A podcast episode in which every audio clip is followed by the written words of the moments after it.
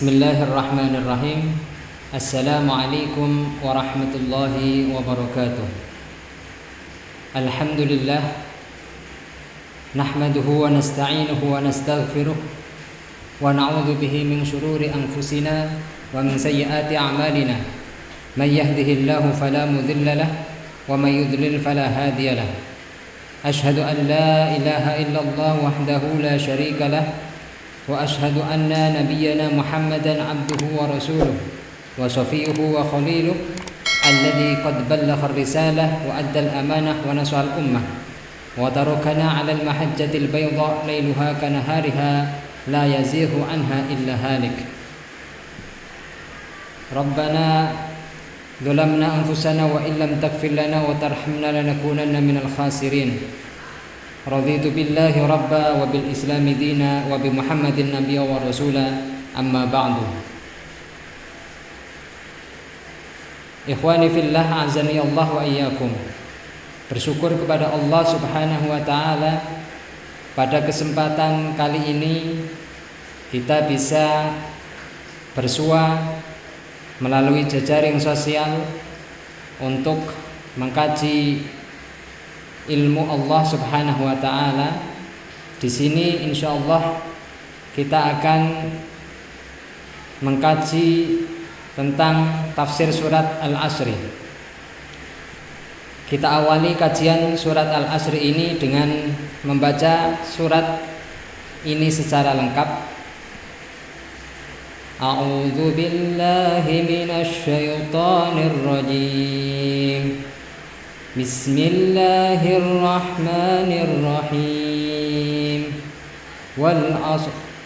Innal insana lafi khusr إلا الذين آمنوا وعملوا الصالحات وتواصوا بالحق وتواصوا بالصبر صدق الله العظيم Di dalam surat yang cukup pendek ini Allah Subhanahu wa taala merangkum segala macam kebaikan yang harus diperhatikan oleh umat manusia. Surat Al-Asri ini merupakan menurut para ahli tafsir adalah surat atau wahyu yang ke-13 diturunkan kepada Nabi Muhammad Shallallahu alaihi wasallam. Ya. Kemudian uh, ditertibkan dalam mushaf ini adalah menjadi urutan yang ke-103 ya.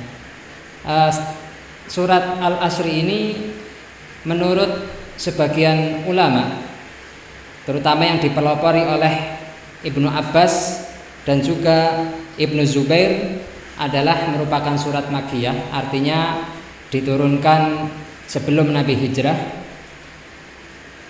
tetapi di sana ada pendapat kedua yaitu yang dipelopori oleh uh, Mujahid dan Qatadah yang mengatakan bahwa surat ini adalah Madaniyah artinya diturunkan setelah Nabi hijrah. Ya, dua pendapat ini kemudian disikapi oleh kebanyakan ulama jumhur ulama mentarjih bahwa surat ini termasuk makiyah Ya, surat yang berjumlah tiga ayat ini ini sangat luar biasa. Oleh karenanya Imam At-Tabrani meriwayatkan dari Ubaidillah bin Hafiz bahwasanya beliau mengatakan dahulu para sahabat ya, ketika mereka bertemu ya, terutama ketika ada dua orang sahabat yang bertemu ya, mereka saling menyapa kemudian mereka tidak berpisah dari pertemuan tersebut kecuali telah saling membacakan surat Al-Asr ini ya. Satu sahabat membacakan surat Al-Asr kepada yang lain, yang lain kemudian menimpali dengan bacaan tersebut. Ini adalah merupakan bukti bahwa surat Al-Asr ini memiliki kedudukan yang sangat luar biasa bagi para ulama ya. Karena isinya adalah peringatan supaya kita menjadi orang yang beruntung. Ya. Kemudian para sahabat yang sudah saling membacakan surat Al-Asr itu mereka salam kemudian baru berpisah. Itulah para sahabat dahulu. Ya. Kemudian ada juga suatu riwayat dari Imam Syafi'i misalnya ya, bahwasanya beliau pernah mengatakan laulam yungzilillahu illa hadas illa hadhihi surah lakafathum jadi seandainya Allah Subhanahu wa taala tidak menurunkan Al-Qur'an ini kecuali hanya satu surat Al-Asr ini, maka sudah cukup untuk pedoman hidup bagi umat manusia. Baik, ikhwani fillah azani Allah wa iyyakum. Di sini kita akan sedikit uh, mengupas kandungan daripada surat Al-Asr.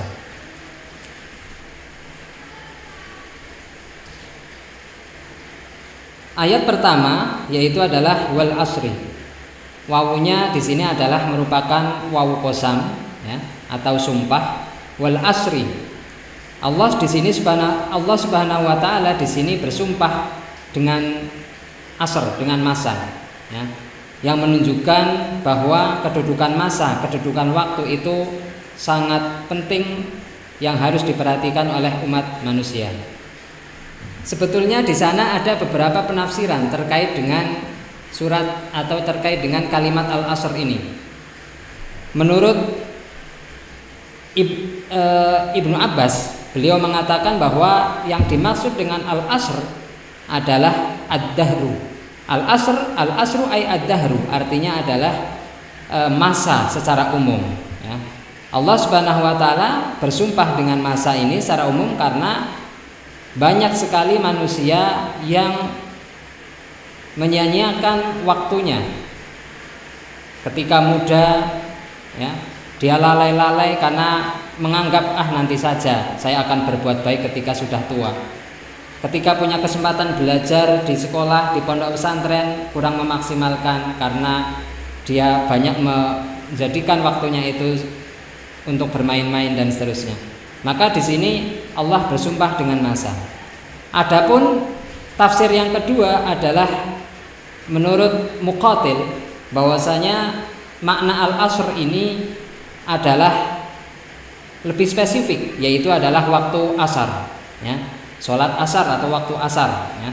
Waktu asar yaitu waktu ketika matahari sudah mulai menguning ya sudah mulai senja. Ini mengisyaratkan bahwa kita manusia itu sudah berada berada di penghujung masa ya. Sudah berada sudah semakin dekat dengan hari kiamat ya.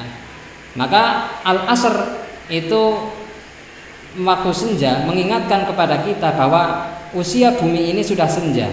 Kita tidak lama lagi ya, untuk menuju kepada yaumil kiamah dan seterusnya meskipun kita wallahualam kita tidak pernah tahu kapan itu terjadi.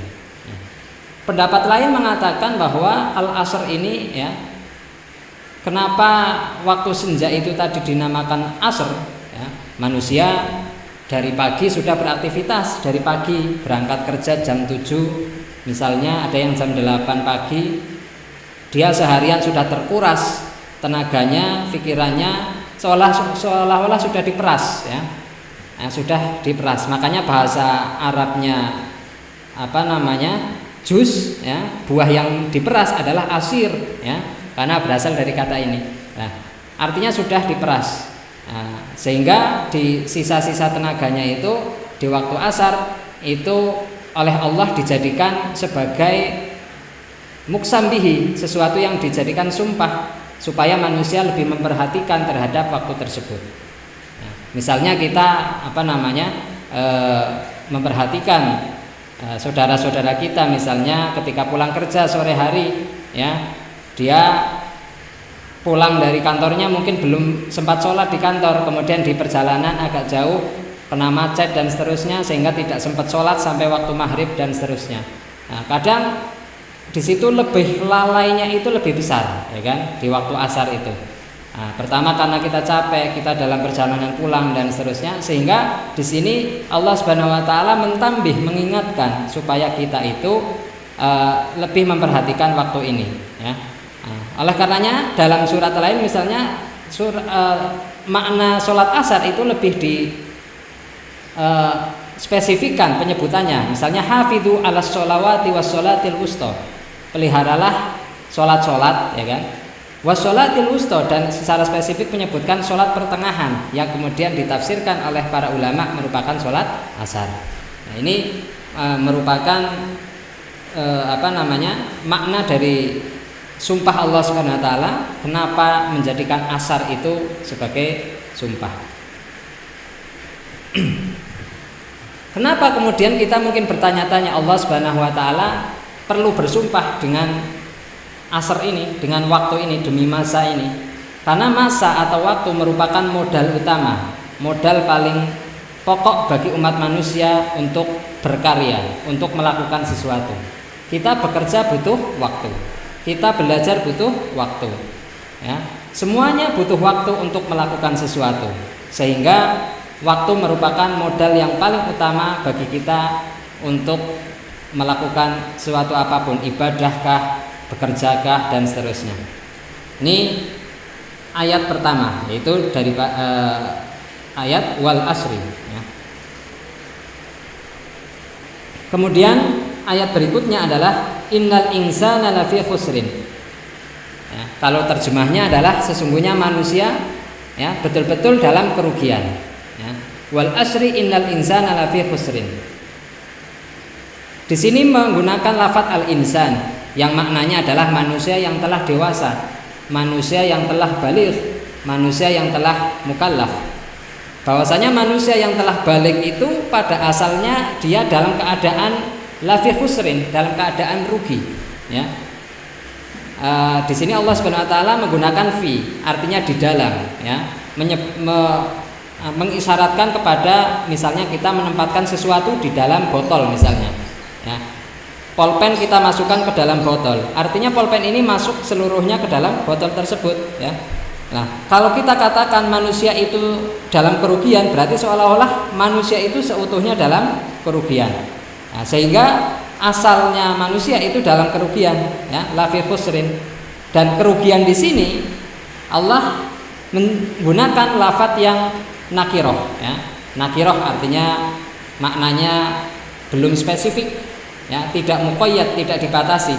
Bisa jadi kerugian itu adalah kerugian di dunia maupun kerugian itu bisa jadi di di akhirat. Ya. maka asalnya manusia itu dalam keraguan. Oleh karenanya Syekh Abdurrahman As-Sa'di misalnya menyebutkan dalam tafsirnya itu wal khasaru maratiba wal khasaru maratibu mutaaddidatun mutafawid mutafawitatun. Bahwasanya kerugian itu bertingkat-tingkat ada level-levelnya ya, bermacam-macam. Qad yakunu khasaran mutlaqan. Ada kalanya orang itu rugi secara mutlak. Artinya dia betul-betul rugi seluruhnya. Kahaliman khasarat dunya wal akhirata. Seperti halnya orang yang rugi di dalam akhir, di dunia maupun di akhiratnya di dunianya tidak senang, tidak bahagia, ya, miskin misalnya melarat, ya kan, di akhiratnya juga nanti celaka. Ya.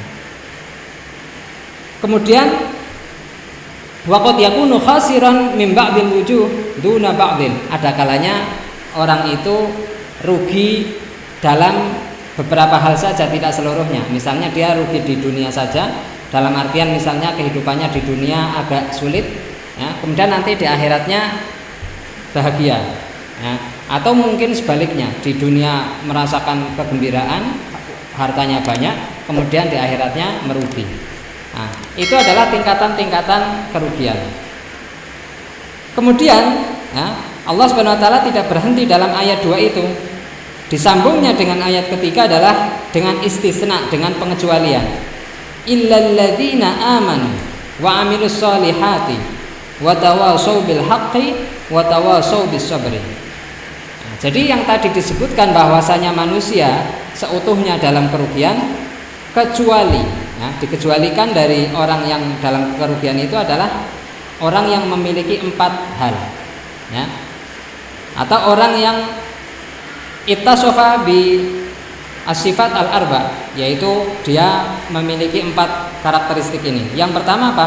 Illalladzina amanu adalah dia beriman ya kan wa yang kedua adalah dia beramal soleh Yang ketiga adalah watawaso bil haqi. Dia e, berwasiat kepada saudara-saudaranya dengan kebenaran, menyebarkan kebenaran kepada orang lain, ya. Watawaso bis sabri. Kemudian dia berwasiat atau menyebarkan e, nasihat-nasihat kesabaran kepada orang lain. Empat ini merupakan kunci supaya kita tidak khosarah tadi, supaya kita tidak rugi. Maka Bahagia sekali orang yang bisa mengumpulkan empat kategori ini dalam dalam dirinya. Yang pertama adalah tadi apa? Illalladzina aman adalah kecuali orang-orang yang beriman. Ya. Iman, ya. Bicara tentang iman, apa itu iman? Iman adalah uh, bil lisan. Ya. Ulama mengartikan iman adalah qaulun bil lisan. Ya.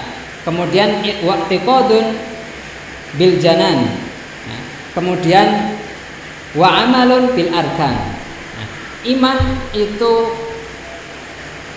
ketika kita bisa mengucapkan dengan lisan kita ya tentang kebenaran bahwa Allah itu adalah esa misalnya Allah itu ada Allah itu esa Muhammad adalah utusan Allah lisan kita mengucapkan itu Wa'tiqadun bil janan, hati kita meyakini itu, mengimaninya, ya, meyakini bahwasanya Allah itu betul-betul esa. Kemudian yang ketiga adalah wa amalun bil arkan. Kemudian mengimplementasikan keimanannya itu dalam apa namanya? E, pengamalan sehari-hari. Maka iman menurut ahlu sunnah adalah suatu keyakinan yang tertancap kuat di dalam hati yang lisannya juga mengikrarkan kemudian diwujudkan dalam sebuah amalan-amalan. Itulah iman. Nah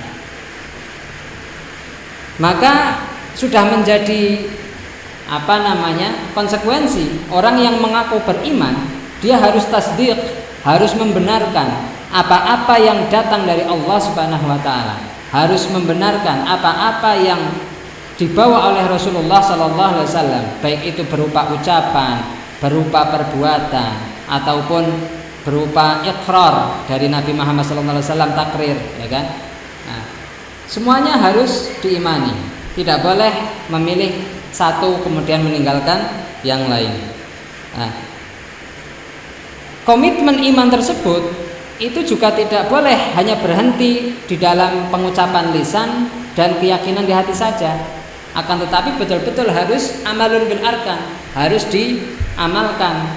Kita harus memiliki apa namanya e, melakukan bukti ya bahwa kita itu beriman kita harus membuktikan ya. Yaitu dengan apa? Dengan mengamalkan apa-apa yang diperintahkan oleh Allah kan? Dengan mengamalkan apa-apa yang diperintahkan oleh Rasulullah. Nah maka seyogianya orang yang beriman ya adalah ya, kalau kita bicara iman ya itu kalau dalam bahasa Arab adalah amanah yukmin ya, imanan. Satu akar dengan kata amanah ya amina ya'manu amanatan. Artinya bahwa orang yang beriman maka seharusnya dia dalam kehidupan sehari-hari dia harus amanah ya harus harus amanah ketika dikasih e, jabatan dia amanah. Ketika dititipkan oleh seseorang sesuatu dia harus amanah. Ketika menjadi penjual dia harus amanah, mengatakan produknya apa adanya, ya, harus jujur. Kenapa? Karena dia merasa selalu diawasi oleh Allah Subhanahu wa taala.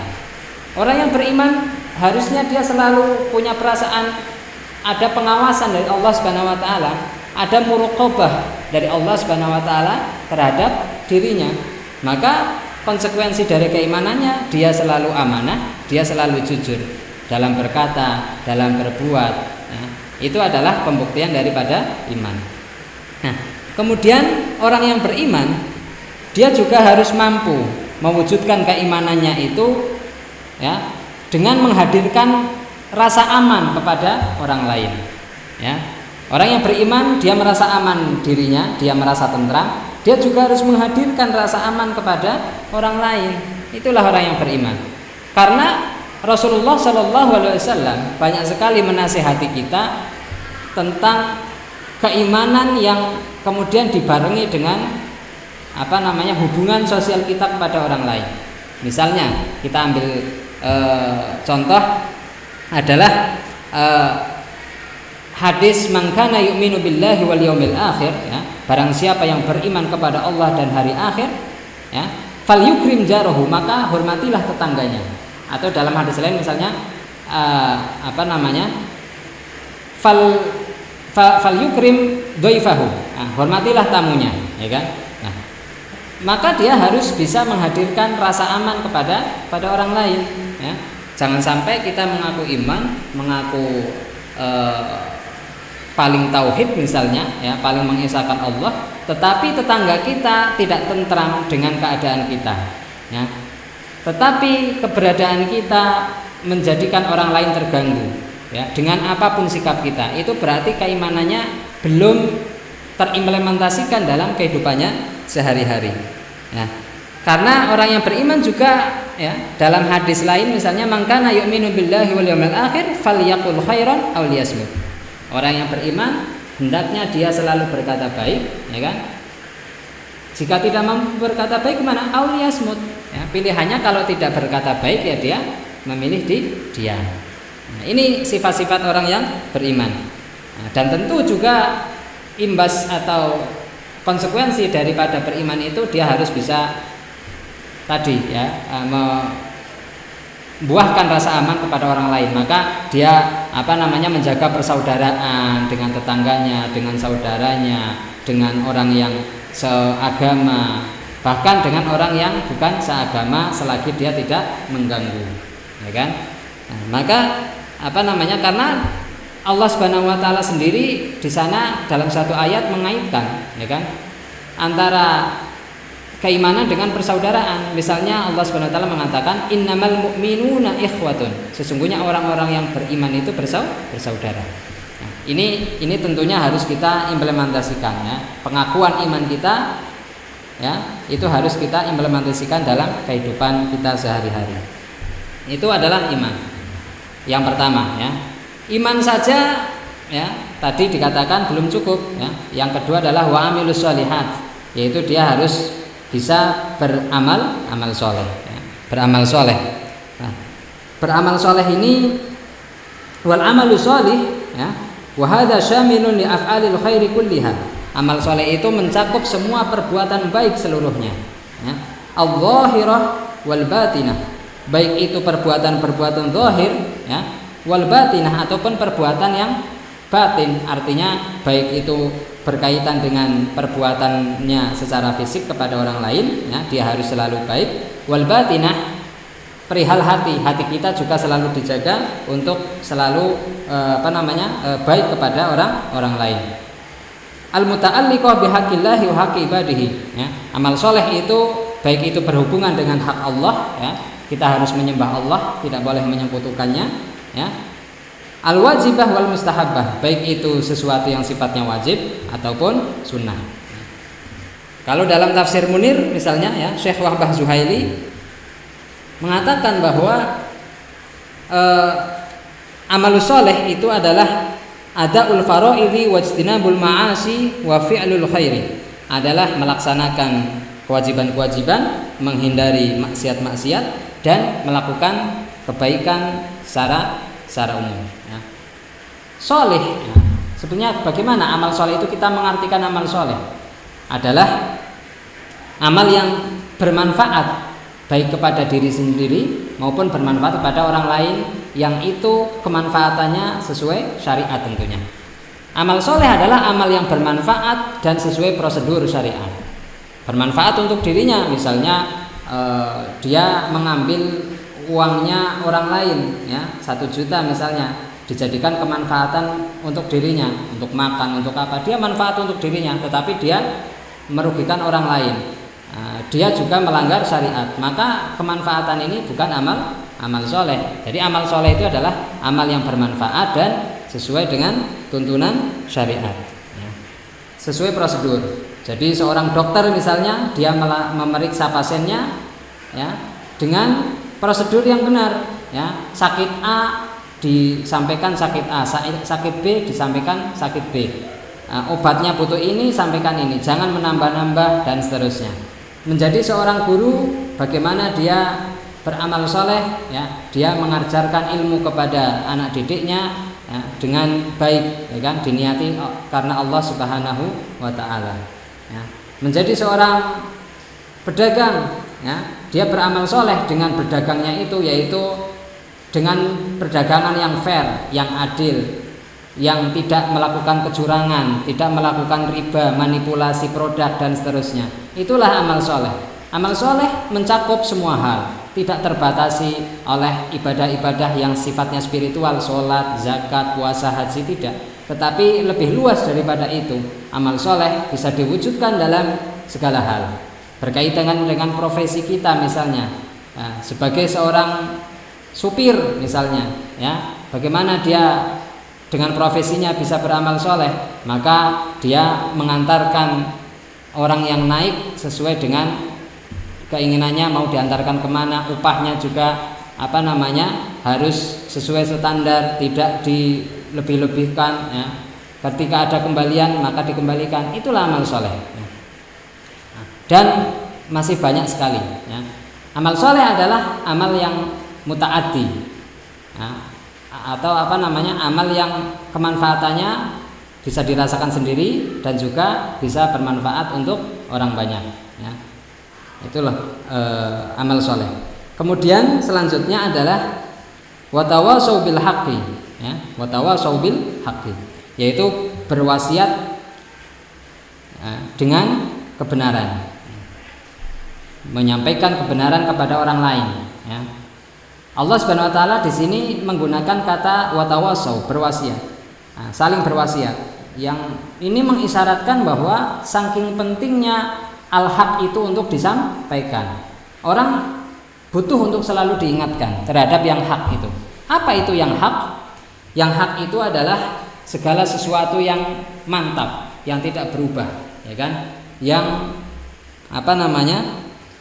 E, sesuatu yang mantap yang tidak berubah, ya. Itu puncaknya adalah Allah Subhanahu wa taala yang memiliki sumber dari segala kebenaran. Itulah yang hak. Yang hak hakiki adalah Allah Subhanahu wa taala. Ya. Yang hak adalah Rasulullah sallallahu alaihi wasallam. Yang hak adalah Al-Qur'an.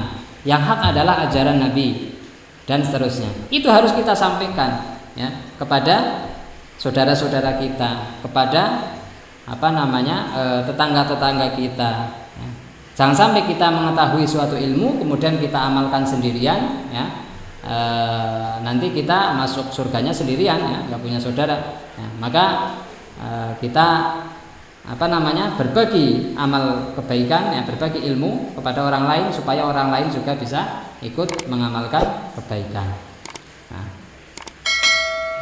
jadi watawasau bil ini adalah bagaimana kita menyampaikan kebenaran itu kepada orang lain ya Nah, kebenaran mencakup misalnya mentauhidkan Allah itu adalah kebenaran, ya. Memerintahkan orang lain untuk sholat, ya, mengingatkan orang lain untuk sholat itu adalah kebenaran, ya, hak. Ya. Maka kita harus sering-sering untuk saling mengingatkan satu sama lain.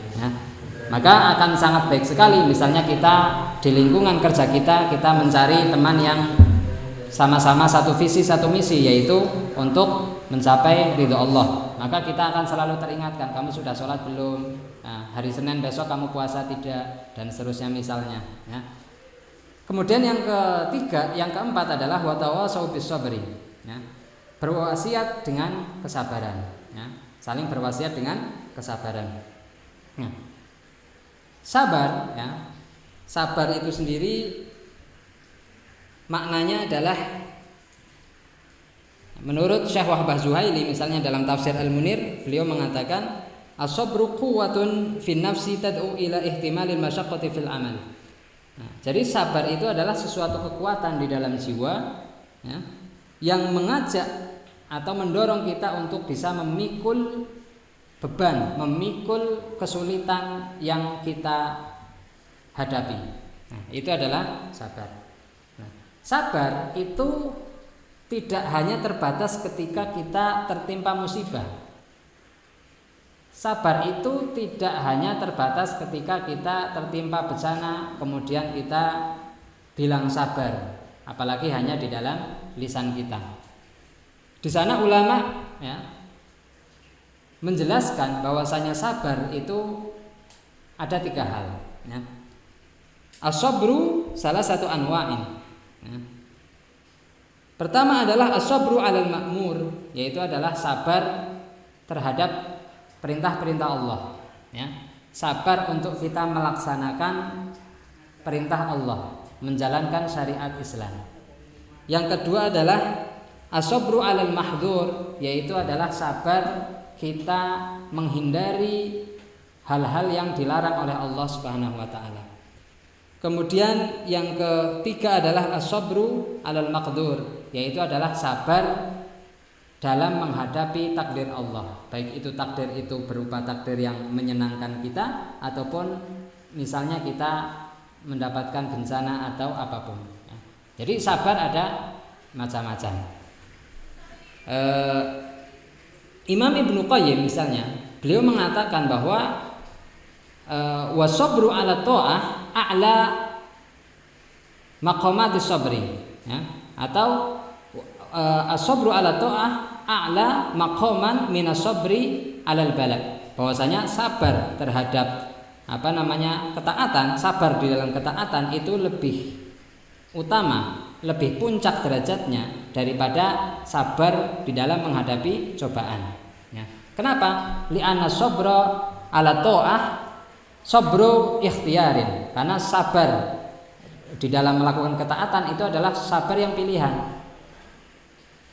Ah, lakinna sabra alal bala sabru ittirarin akan tetapi kalau kita sabar dalam menghadapi cobaan itu adalah sabar yang memang mau tidak mau kita menghadapinya. Gitu kan? Nah, contohnya misalnya sabar terhadap ketaatan ya e, misalnya saya puasa hari Senin ya kan? Puasa sunnah hari Senin ya. Sudah separuh jalan misalnya jam satu siang ya itu perut juga sudah lumayan. Teman datang tidak tahu kalau saya itu puasa ya. Kemudian dia menawari karena itu jam makan ayolah kita makan e, ke warung atau ke restoran yang cukup bagus dan makanannya itu kebetulan saya yang favorit di situ ya. Ayolah kita makan ini ya.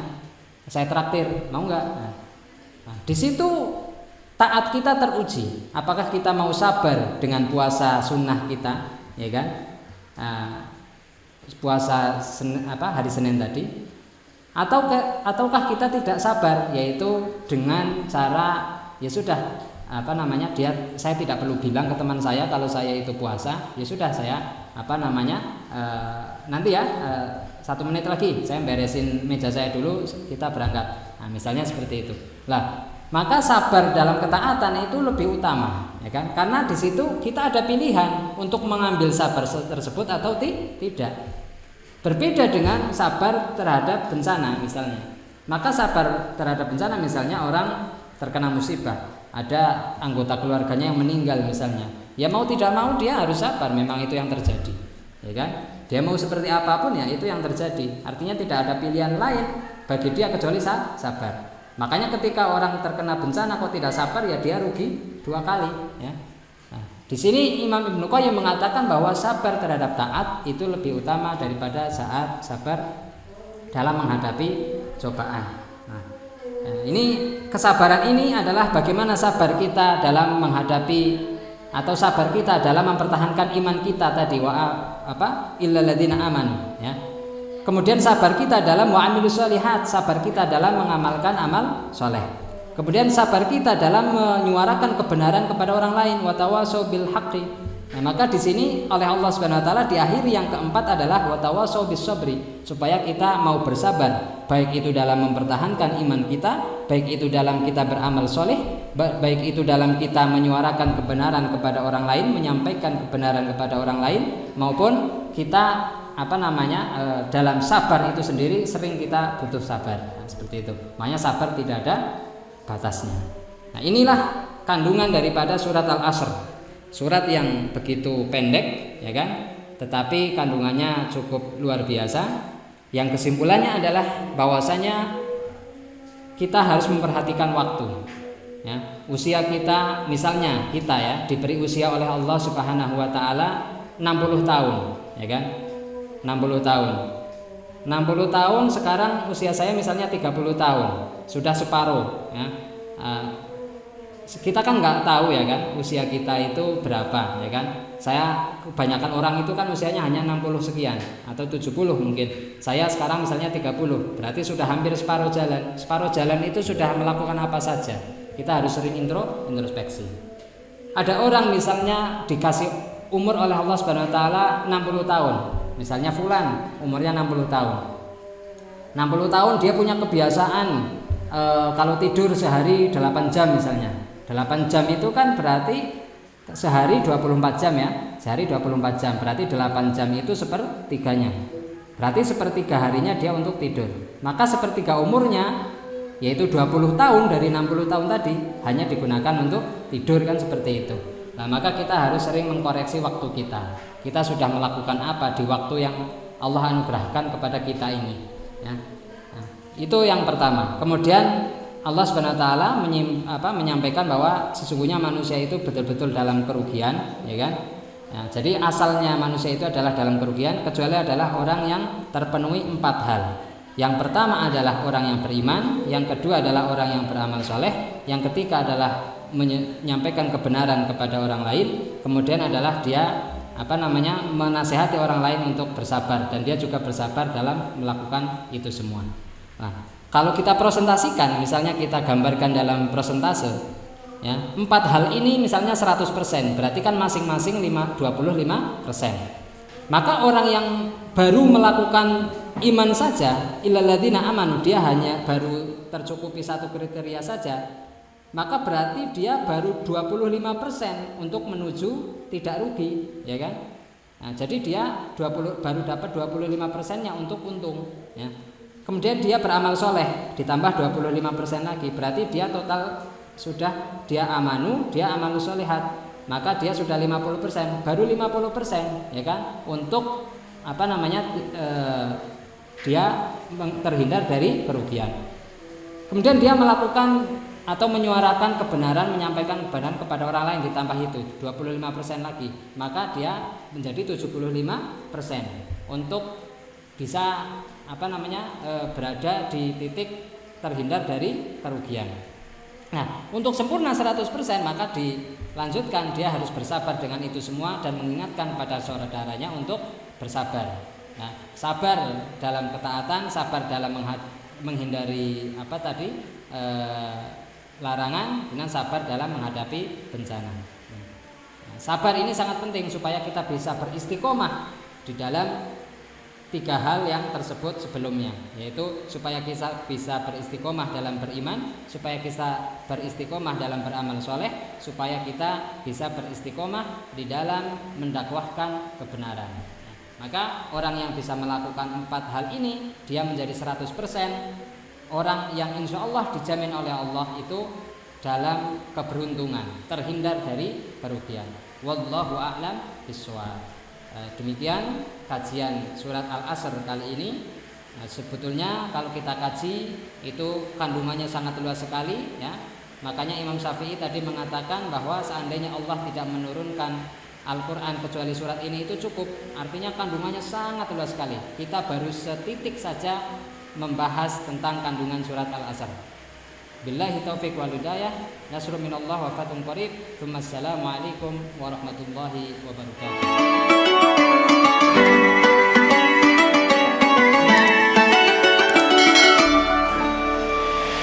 Bye.